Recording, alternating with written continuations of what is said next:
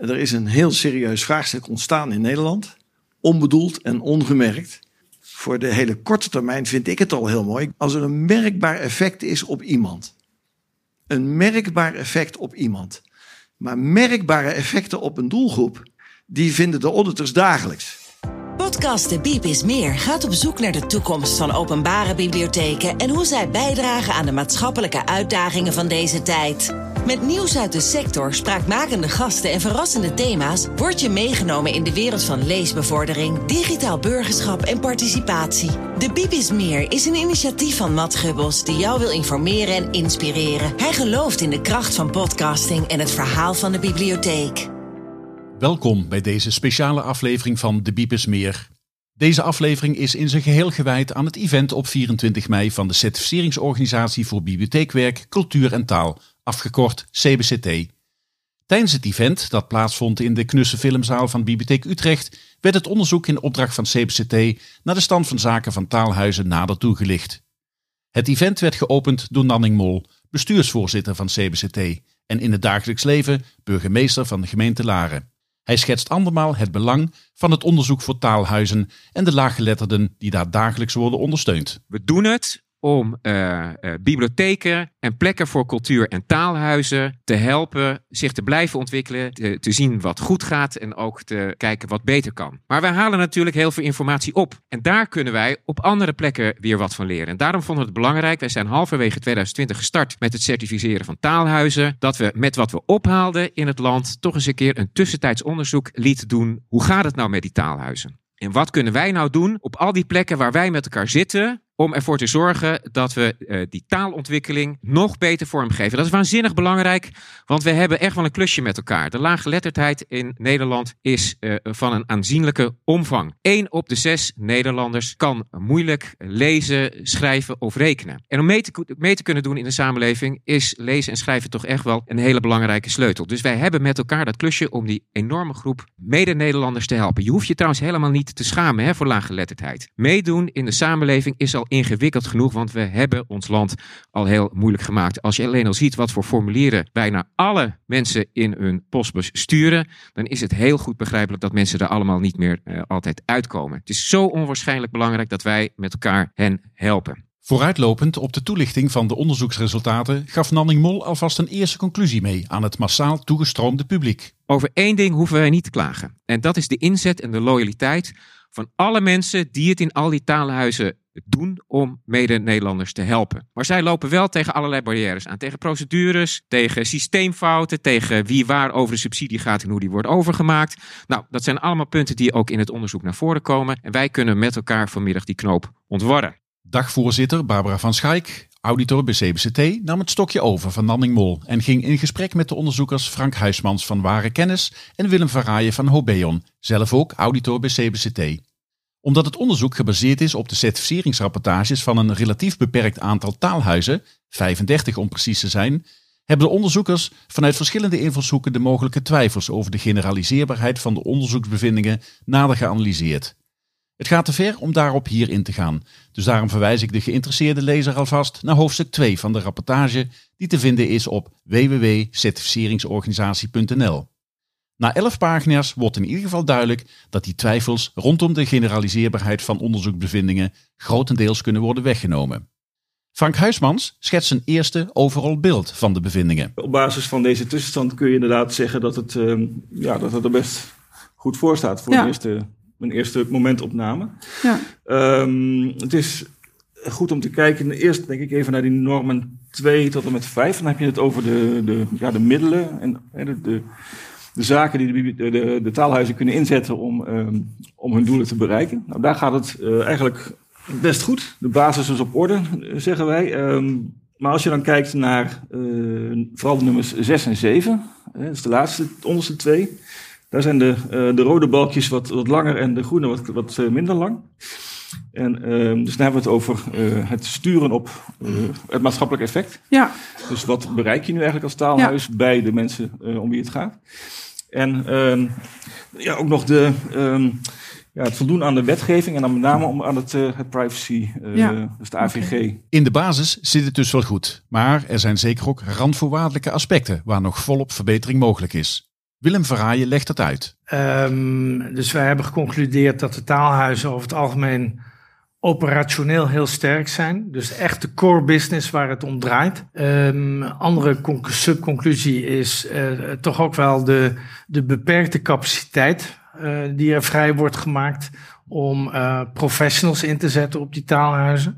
Dus daar heb ik het even niet over de vrijwilligers. En ook over het toekennen van structurele financiële middelen, omdat dat toch vaak heel kort cyclisch is. Zoals we overigens ook al uit de bibliotheekwereld zelf uh, uh, kennen. En is dat ook wat je bedoelt met dat fundament wat nog wankel is? Of zit ja, daar nog ja, meer achter? Ja. Nee, dit, dit, is echt de, de, de randvoorwaardelijke sfeer. In onze optiek uh, kunnen zeker nog slagen gemaakt worden. En, en zou aan deze zaken voldaan moeten worden. Dus wat je ook ziet is dat door die beperkte capaciteit en, en het ontbreken van die structurele financiële middelen, dat de ontwikkelcapaciteit van die taalhuizen ja. onder druk staat. Dan is er ook nog het meten van het maatschappelijk effect, waar bibliotheken en ook taalhuizen traditioneel moeite mee hebben.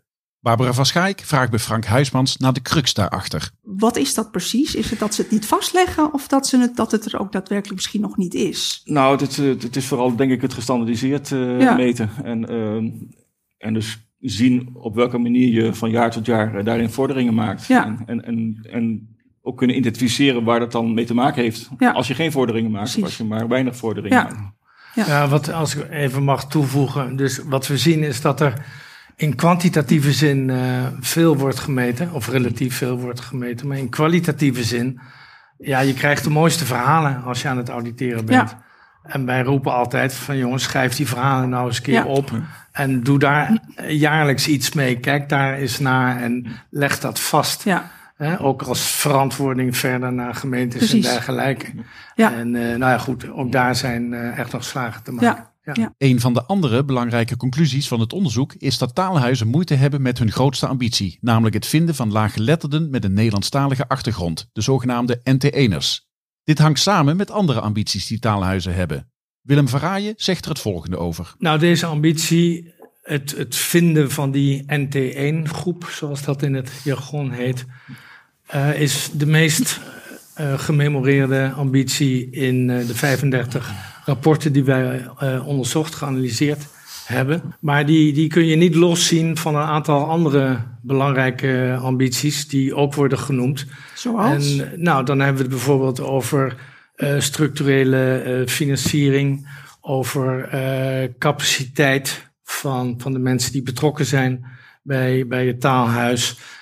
dan hebben we het over de bewustwording in algemene zin van laaggeletterdheid in de omgeving van de laaggeletterde, misschien soms zelfs ook wel bij de laaggeletterde zelf, in de werkomgeving, hè, bij de bedrijven, bij de organisaties. En het gaat ook om trouwens de, de doorverwijzing, zowel formeel als non-formeel.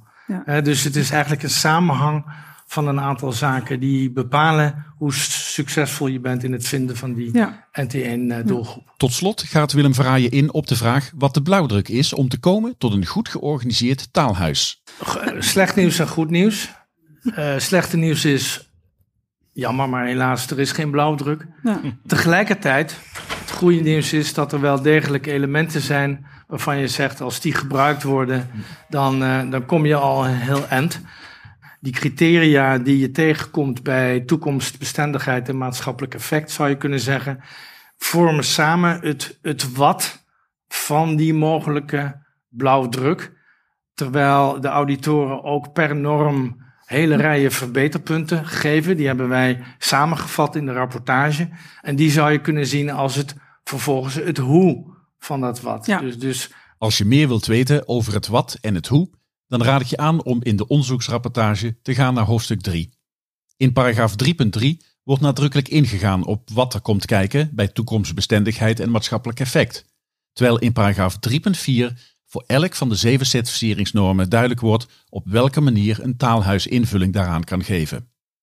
Na een vrijwel vlekkeloze overhandiging van de rapportage aan Susanne Hafiti was het tijd voor een reactie van het hoofd informatie en bibliothekenbeleid bij het ministerie van Onderwijs, Cultuur en Wetenschappen.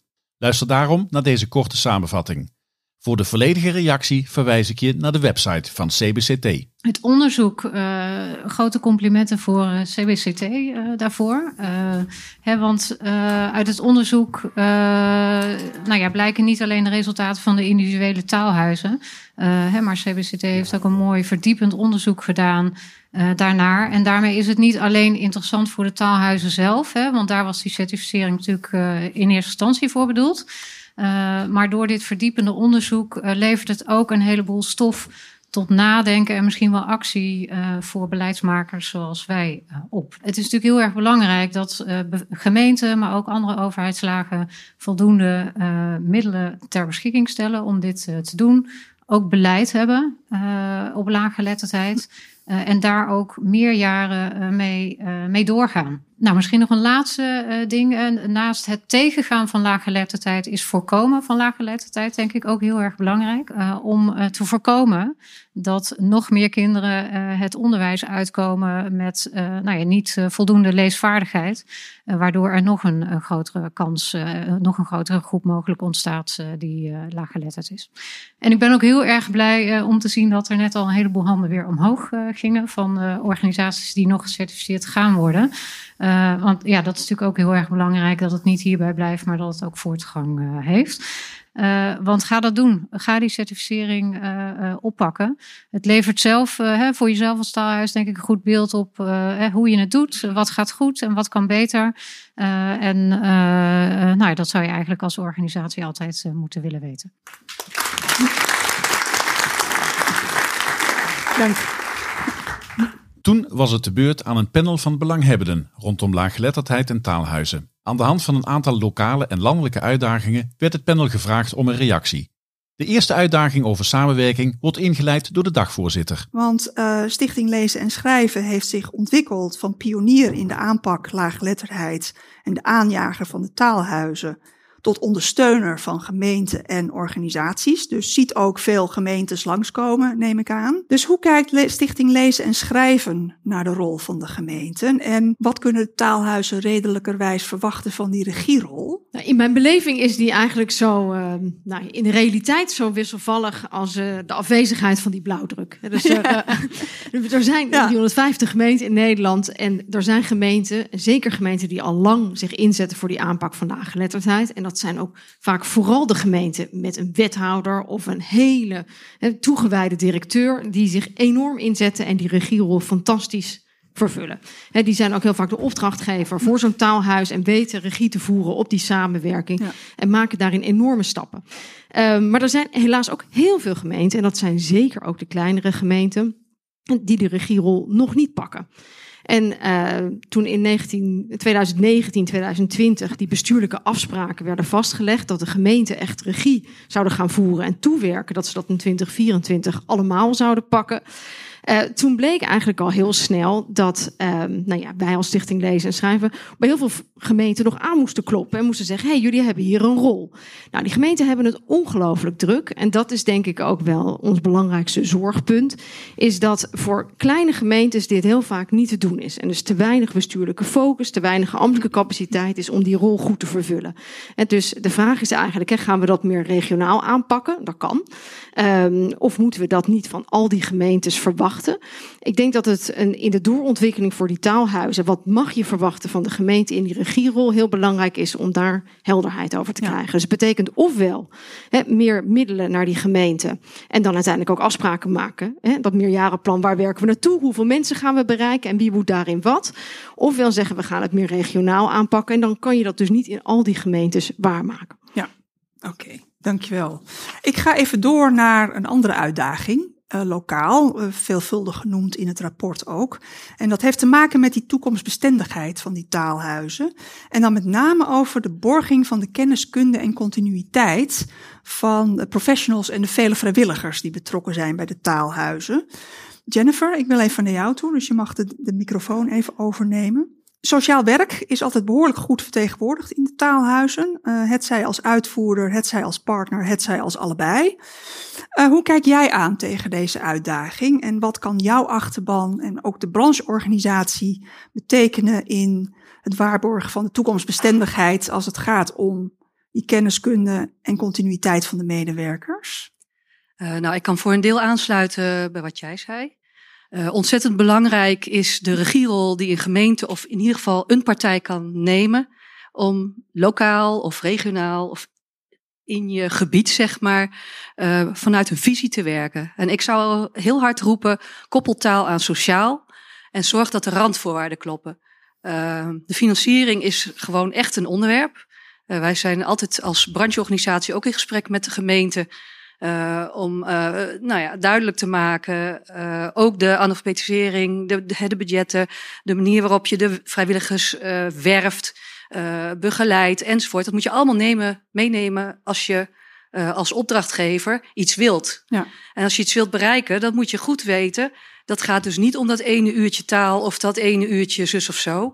Ik heb vorige week bij uh, ons jaarcongres uh, Sociaal Werk van het Jaar weer horen zeggen. Ja, dan uh, wordt er ingekocht op een cursus geven van een uur. Maar er wordt er vergeten dat 75% van de bewoners in mijn wijk, zegt zij dan, behoort tot mensen die moeilijk bereikbaar zijn. Die zijn afgehaakt. Ik heb gewoon tien keer zoveel tijd nodig om ze te vinden, te mobiliseren. En dat is weer dat verhaal ja. van vertrouwen opbouwen en langdurig contracten hebben. Zodat je uh, weet om welke mensen het gaat en hoe je ze bereikt. Ja. Dus die samenwerking is cruciaal, de randvoorwaarden zijn cruciaal. En wij moeten met z'n allen enorm hard het verhaal vertellen van wat je doet. En wat het effect is. Ja, en dat, want, ja, dat moet je Want dan ontstaan zelf ook de middelen om te zorgen dat die kennis en die kunde en die continuïteit. Ja, en we snappen dat de gemeente het heel druk hebben. Ja. Wie weet zit er wat bij de ondernemers. Die hebben nu het plan om maatschappelijk ook heel veel te gaan investeren in taal en digitaal. Ja. Dus uh, nou ja, daarmee moeten we aan de bak. Anne Ruben bouwt voort op de visie van Sociaal Werk Nederland en Stichting Lezen en Schrijven. En doet een mooi voorstel voor bundeling van kennis en ervaring. Om te beginnen met de bibliotheken, dan sluit ik me heel erg aan bij wat de vorige twee dames zeiden. Ik bedoel, die verankering is natuurlijk enorm belangrijk.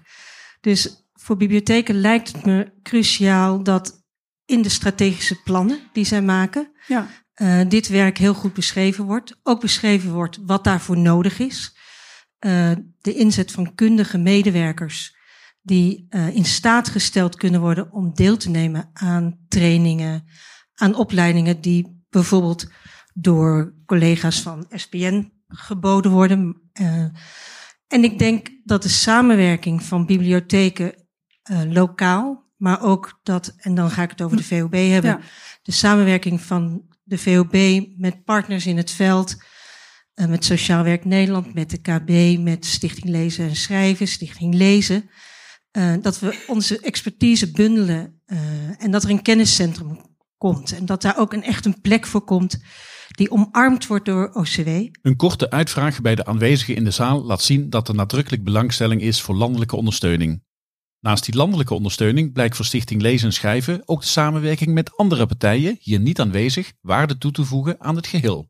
De MBO-raad en de private taalinstituten bijvoorbeeld. Die zijn natuurlijk toch zeker in het formele deel een heel belangrijke partner. En we weten ook uit onderzoek dat, dame Suzanne zei het net ook over niveauverhoging. Kijk, we spreken in die aanpak van lage lettertijd vooral over verbeteren van de zelfredzaamheid van taalleerders.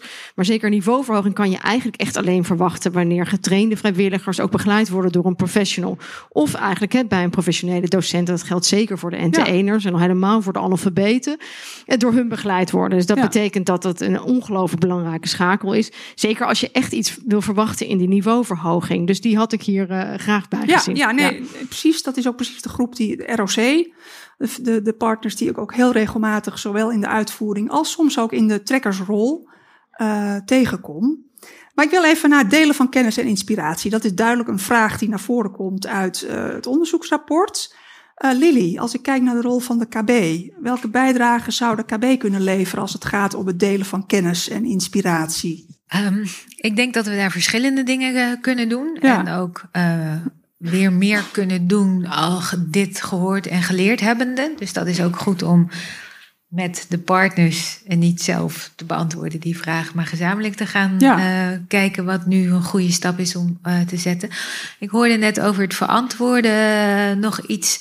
Um, waarbij ik dacht, we moeten ook misschien, want dit raakt er ook aan het verantwoorden, dat we niet te veel op de cijfers uh, ons focussen. Ook via de gegevenslevering moeten we ook doen. Kunnen we altijd weer beter, uh, weer een niveau beter krijgen.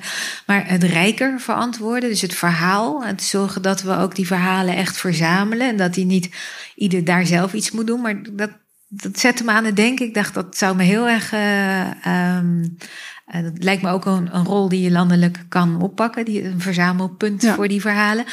Uh, maar ook in um, de netwerksamenwerking. Ik denk dat we daar de afgelopen jaren um, al aardige stappen hebben gezet om uh, niet in institutionele gedoetjes te blijven hangen vooral nu in het bibliotheeknetwerk, maar om het, de doelen, de opgaven hebben we ze genoemd, de grote opgaven die er liggen, die kun je niet ontkennen.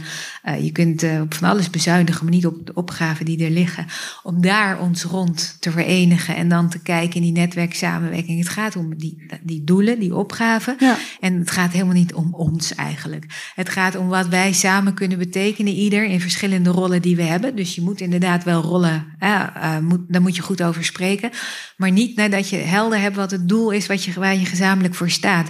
Want anders verzand je in Nederland heel snel in een enorme institutionele eh, gedoe. Ja. Uh, dus dat zou een oproep zijn. En ik, het, het leuke is dat ik juist door een keer in een bijeenkomst over taalhuizen, daar was ik en daar gebeurde iets vergelijkbaars. En daar heb ik leren zien dat het samenwerken in netwerken onvoldoende was als je alleen maar gaat kijken naar elkaars positie en belangen. Maar je moet dat doel eerst definiëren en van daaruit terugredeneren wie kan dan wat bijdragen. Um, um, want het gaat, het gaat om wat je wil betekenen met elkaar uh, en niet om je eigen positie ja. te verstevigen. Ja. En het is dus mooi om hier nu weer, uh, weer te staan. En inmiddels zijn we een heel stuk wijzer over hoe dat werkt. En ik droom er nog wel eens van, ik zou graag daar een spel voor willen maken. Een kwartetspel een of een ander soort spel. Waardoor ja. je, en dan wel vanuit dat doel. En misschien om het en want het is snel conceptueel, abstract. Nou, dat hebben we nodig gehad om te snappen wat netwerksamenwerking kan als je de doelen voorop zet en niet de institutionele belangen. Maar je zou dat graag speelser en tastbaarder eigenlijk voor iedereen bruikbaar willen maken, om dan ook als een taalhuis hè, uh, op die vraag van wie doet nou wat en hoe werkt ja. dat zit. Dat je kan oefenen hoe, wat er gebeurt als je niet hè, vanuit je belang denkt en dit moet ik van wie is dat taalhuis, maar dat je samen denkt, wow, die opgave die er ligt, willen we samen aanpakken. En dan is het namelijk echt werk voor iedereen. Peter van Eyck van SPN heeft wel oren naar het spel van Lily. En mijn wensbeeld zou zijn, uh, bij de vraag hoe verder, daar, daar hebben we de of-vraag al beantwoord. Hè? Ja. Die is al beantwoord. Dat komt ook door de aanwezigheid van alle mensen hier. Dus uh, nu is aan de orde, hoe gaan we nu verder naar een volgend niveau? En dan zou ik het wel mooi vinden, als we met mensen hier aanwezig, is een schets kunnen maken van dat wensbeeld. En, en we weten allemaal uit allerlei workshops, een wensbeeld is altijd goed. Hè? Als Lily zegt, nou mijn wens is of mijn droom is altijd goed. Is nooit fout of is nooit verkeerd of institutioneel. Alleen het helpt wel als je een wat scherper beeld hebt van een wensbeeld 2026. Als je dan zegt van nou, dan zien wij niet 35 gecertificeerde taalhuizen voor ons. Maar dan zijn er 150, ik noem maar eens even wat. Uh, en die hebben allemaal een net wat betere rapportfoto dan nu. Hè? Als je dat doet, dan komt er daarna toch een beetje druk op de buik. Hè? Want dan zeggen ze, ja, dat is 2026.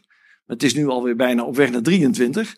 Wat gaan wij dan nu samen op die weg doen? Ja. Dus ik denk dat we daar ook de collega van de VNG wel in meekrijgen. Ja. Om dat wensbeeld, hè, niet verplichtend, want stel je voor, uh, niet verplichtend, maar wel met elkaar. Dit is wel het wensbeeld, ja. want de opvraag hebben we vanmiddag wel al beantwoord. Ja, Gerlien van Dalen van Stichting Lezen gaat in op wat landelijk nu opgepakt zou moeten worden. Nou, ik denk uh, dat punt van de professionalisering is natuurlijk heel belangrijk. Uh, mensen moeten weten wat ze doen, hoe ze het doen en ook uh, met positief effect dat kunnen organiseren. Um, ja, middelen is natuurlijk een punt. Dat, dat geldt zowel binnen de taalhuizen, maar ook binnen de preventieve kant, ja. hè, de bestrijding van laaggeletterdheid. Um, en ik denk dat het heel verstandig is om in beeld te brengen wat die effecten zijn, wat het doet met mensen. Ik heb ook al een brochure gezien waarin dat gebeurt ook. En ik denk dat dat heel aansprekend is. Dat is ook de manier waarop we met de preventieve programma's werken. Gewoon goede voorbeelden, kansrijke situaties. Zodat je nou niet dat hele hoge doel steeds hebt, maar ook die stapjes kan laten zien van hoe je het uh, organiseert.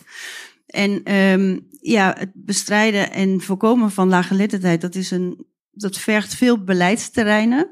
En daarom ben ik ook wel blij hoe we hier nu uh, staan. Maar dat zien we ook in de preventieve kant. Het gaat ook om de gezondheidszorg. Dat gaat om de sociale kant. En in die zin hebben taalhuizen ook een rol. Hè, niet overal, maar zeker wordt ook binnen gezinsaanpak bijvoorbeeld via de taalhuizen gewerkt. Ook omdat daar al dat meer, meerdere beleidsterreinen bij betrokken zijn. Dus dan kan je lokaal een netwerk bouwen.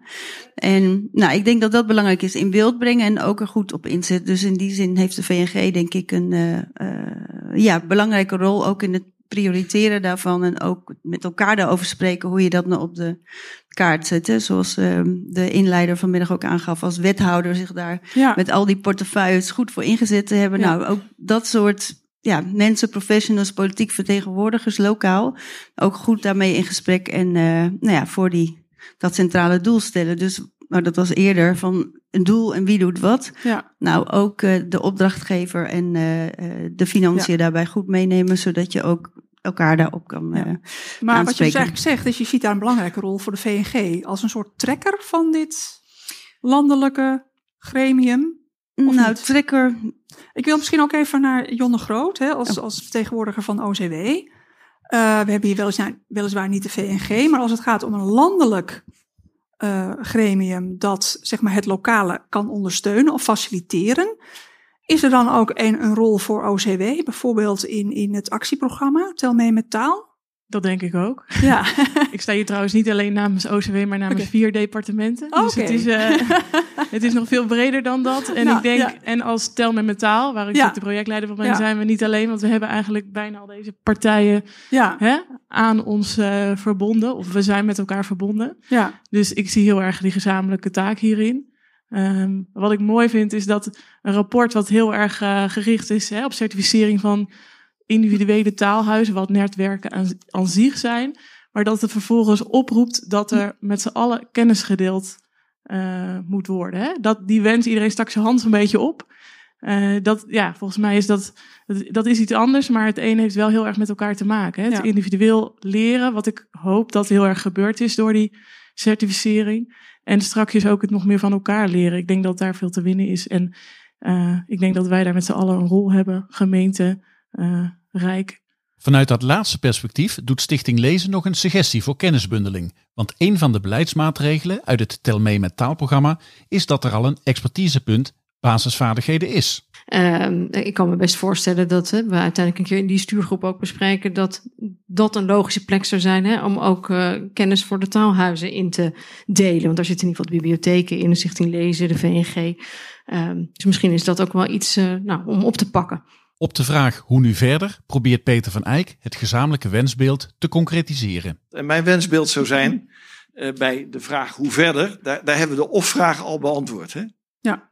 Die is al beantwoord. Dat komt ook door de aanwezigheid van alle mensen hier. Dus uh, nu is aan de orde, hoe gaan we nu verder naar een volgend niveau? En dan zou ik het wel mooi vinden, als we met mensen hier aanwezig, is een schets kunnen maken van dat wensbeeld. En, en we weten allemaal in allerlei workshops, een wensbeeld is altijd goed. Hè? Als Lidie zegt, nou mijn wens is of mijn droom is altijd goed. Is nooit fout of is nooit verkeerd of institutioneel. Alleen het helpt wel als je een wat scherper beeld hebt van een wensbeeld 2026. Als je dan zegt van nou, dan zien wij niet 35 gecertificeerde taalhuizen voor ons. Maar dan zijn er 150, ik noem maar eens even wat. Uh, en die hebben allemaal een net wat betere rapportfoto dan nu. Hè?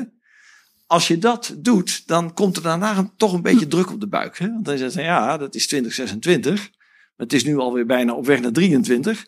Wat gaan wij dan nu samen op die weg doen? Ja. Dus ik denk dat we daar ook de collega van de VNG wel in meekrijgen. Ja. Om dat wensbeeld, hè, niet verplichtend, want stel je voor.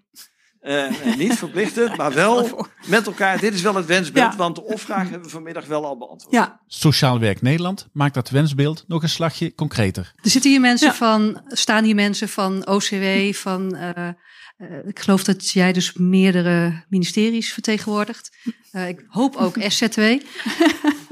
Het begint met taal. Alle kansen ja. voor elk kind. Um, ongeletterdheid tegengaan. Dat vraagt gewoon een enorme niet-onderschatting van de achterstanden die de mensen uit de achterstandswijken hebben. En of het nou gaat om hoogopgeleide migranten die dit land binnenkomen, uh, de oudkomers, de nieuwe statushouders. Je hebt gewoon best veel tijd, energie nodig om uh, vroegtijdig zo'n basis te creëren vanuit visie, vanuit regie, in jouw wijk, in jouw buurt, voor die kinderen die meekomen met zo'n gezin. En uh, ik ken zelf veel Somalische mensen in Utrecht. Ik weet dat ze thuis allemaal Somalisch praten. Uh, misschien moet je wel hier en daar meer dwang uh, toe gaan passen. De moedermavo van vroeger. Als je het hebt over dromen, sommige dingen moet je echt uh, organiseren en mensen er naartoe halen, zodat je taal aan sociaal koppelt. Want daardoor ontmoeten ze ook mensen, zijn ze minder eenzaam, bouwen ze het netwerk op.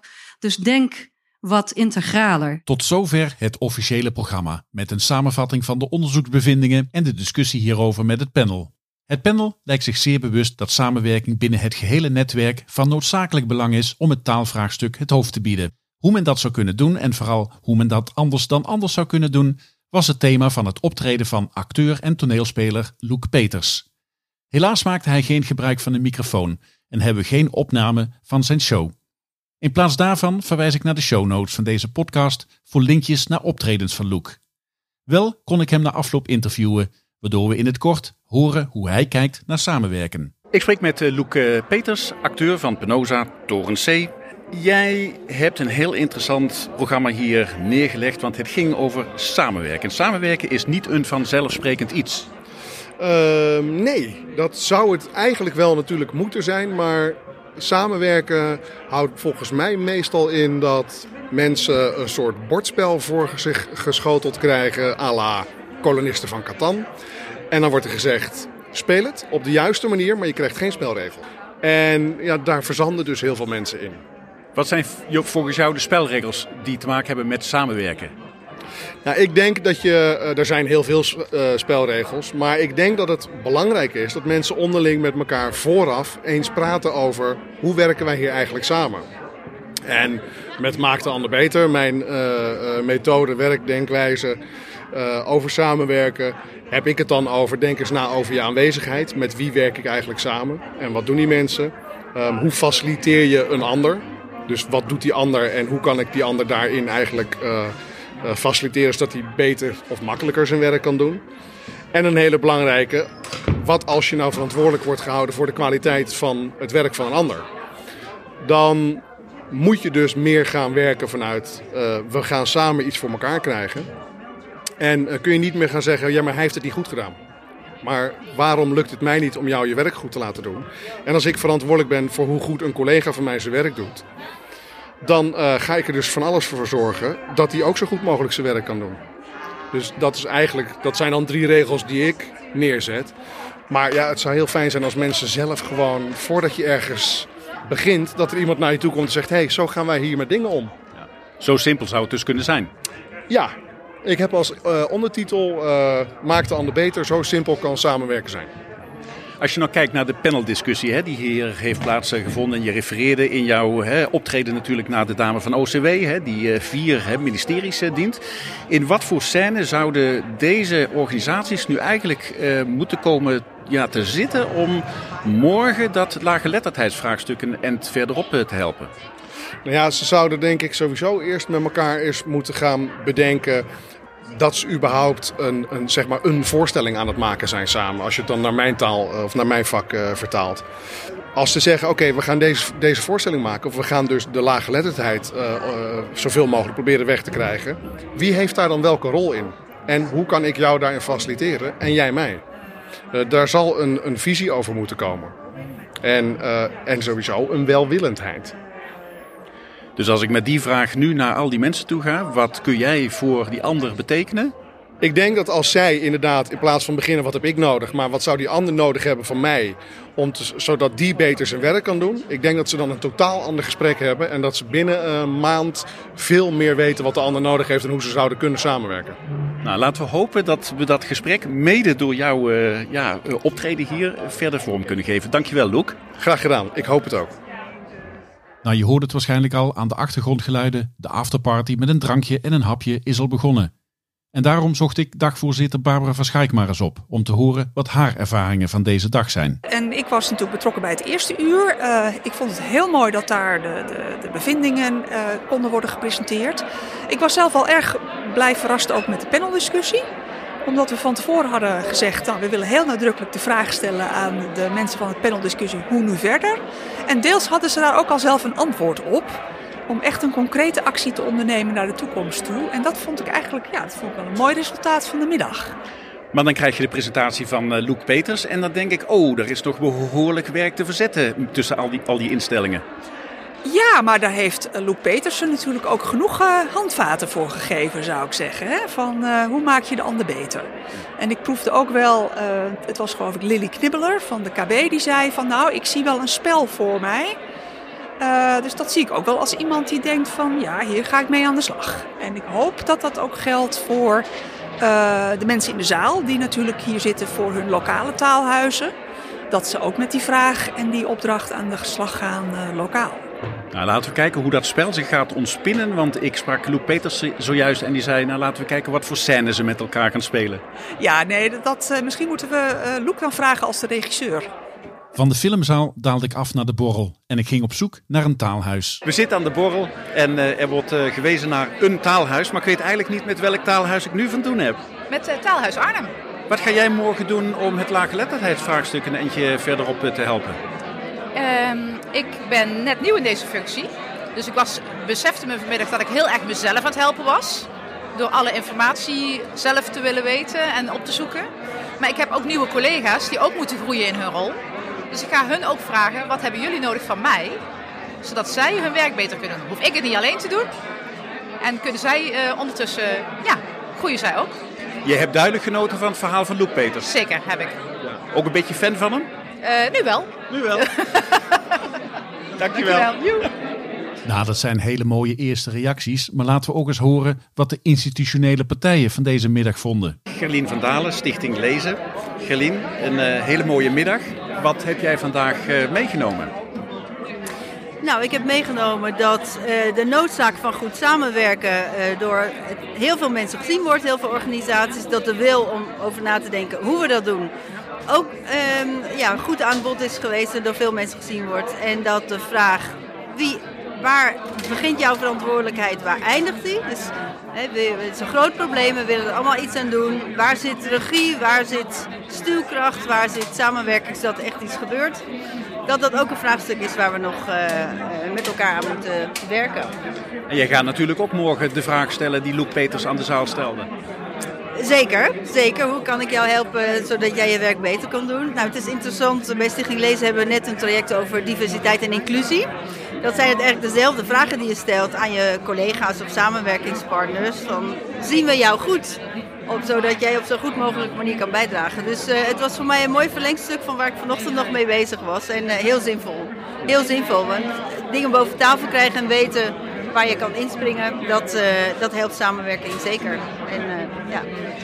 Het lijkt me heel moeilijk, Merel Heimens Visser, voormalig auditor van CBCT, om met al die partijen tot een goede samenwerking te komen en die vraag over weer te stellen, wat kunnen we voor elkaar betekenen om het morgen weer beter te doen? Dat is natuurlijk ook een hele complexe puzzel. En wat ik vandaag heel duidelijk vond, is dat ook wel er een vraag is om van wie is het taalhuis nou? Wie bel ik nou hè, als er iets is met het taalhuis? Of als ik wil me zorgen maken over de doorontwikkeling. En ik vind ook wel dat de departementen en de landelijke organisaties daar een antwoord op moeten geven. Wie bel je nou als er wat is? Dus volgens mij moeten we daar echt een vraag op, eh, of op die vraag een antwoord geven. Ja. Nou, en als ik het verhaal van Loek uh, probeer door te vertalen, dan is het laaggeletterdheidsvraagstuk eigenlijk een nationaal vraagstuk. Een vraagstuk van ons allen. Het is een vraagstuk van ons allen. Maar ik zou zeggen, OCW is stelselverantwoordelijk. We hebben een stelsel in Nederland en OCW is daar hoofdverantwoordelijk voor. Heel erg goed dat zij VWS en sociale zaken daarbij eh, betrekken.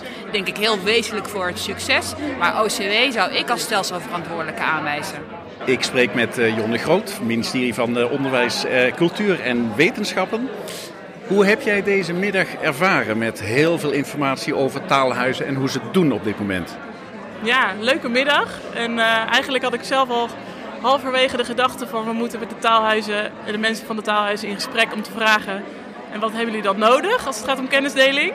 En dat was eigenlijk de conclusie aan het eind van de dag. Dat je mensen moet vragen, wat heb je nodig? Dus dat was bij mij al uh, ja, vanzelf naar boven gekomen. Dus ik vond het een hele mooie bevestiging uh, die uh, Loek Peters aan het einde maakte. Ja.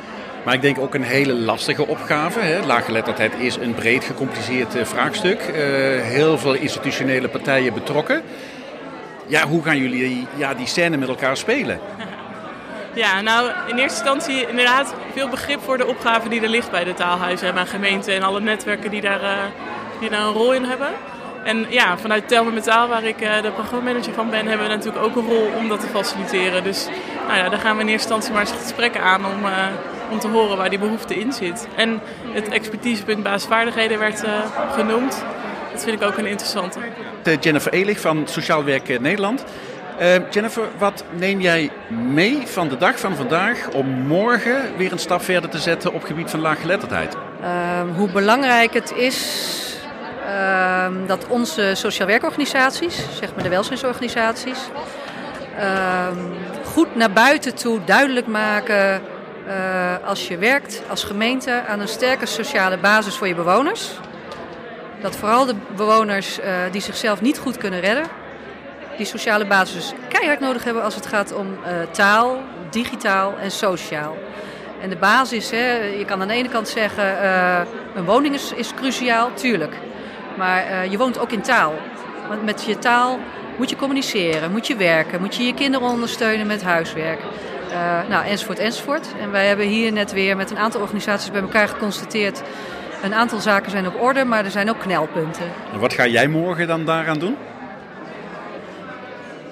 Um, nou, dit in ieder geval even meenemen naar mijn collega's toe om ook aan hen weer mee te geven. Hè? Want ik, ik ben dan een adviseur die bezig is rond sociale basis en verbondenheid. Van uh, hoe kun je uh, in wijken en buurten mensen beter laten samenleven, zeg maar. Maar ik heb ook collega's die zijn bezig met opvoeden en opgroeien, jongerenwerk, kinderwerk of met ouderen of wat anders. Dus overal nou ja, zetten we dat weer even neer en dan, dan moeten ze daarmee verder.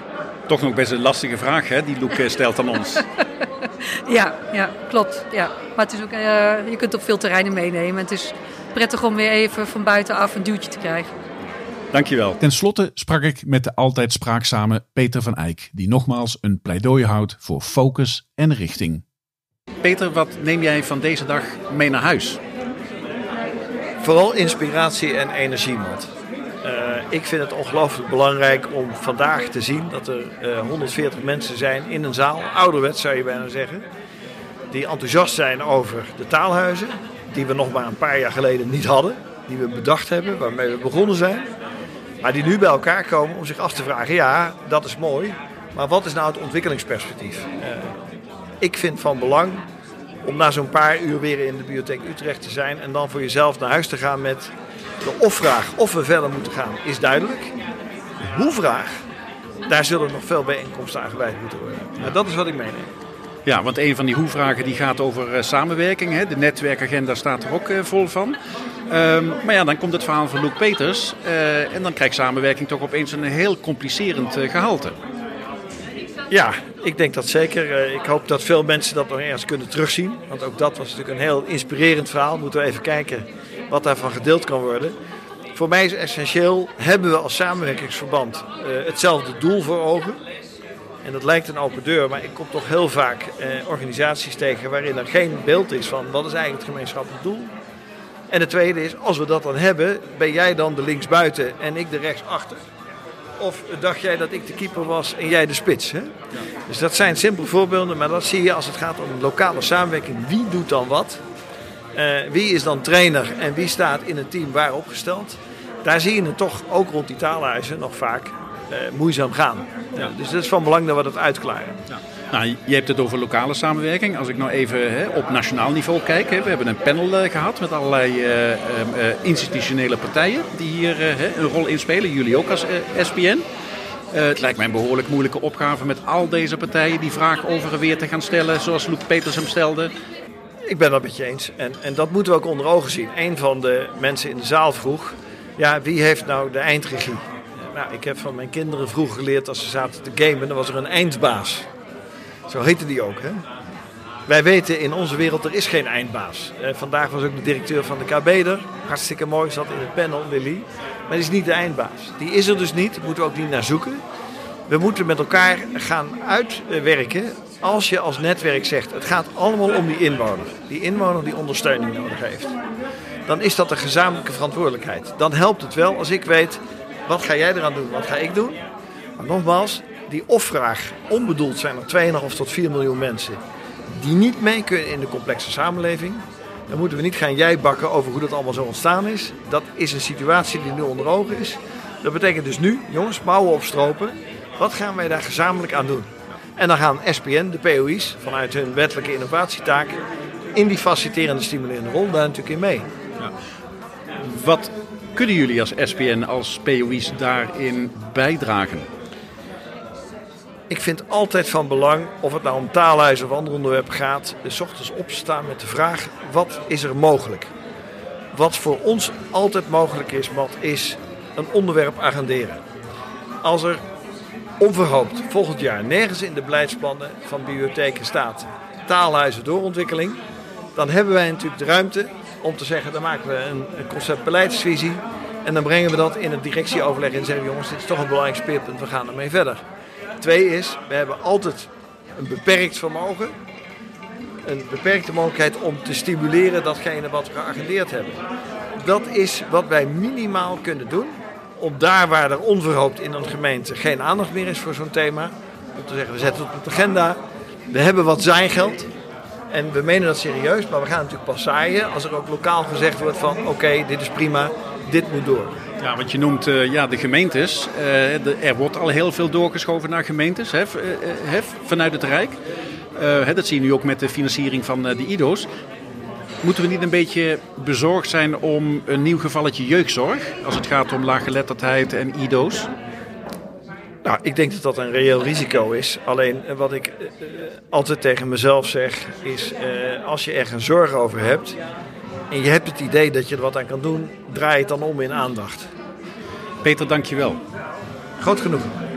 Tot zover deze aflevering van De Biep is Meer. Dank aan CBCT voor het beschikbaar stellen van de geluidsopnames en de gelegenheid om een aantal sprekers na afloop te interviewen. Niet alleen de onderzoeksrapportage, maar ook de samenvatting met meer tips is te vinden op de website van CBCT www.certificeringsorganisatie.nl. In de show notes van deze podcast vind je ook meer informatie over Rolf Vreesink, die een uitgebreid beeldverslag maakte van deze boeiende bijeenkomst. Bedankt voor het luisteren naar deze aflevering van De Biep is Meer. Heb je zelf een mooi verhaal om te vertellen? Neem dan contact op via info.onderzoekmeteffect.nl. De Biep is Meer is een initiatief van Matt Gubbels. Hij gelooft in de kracht van podcasting en het verhaal van de bibliotheek. Graag tot een volgende keer.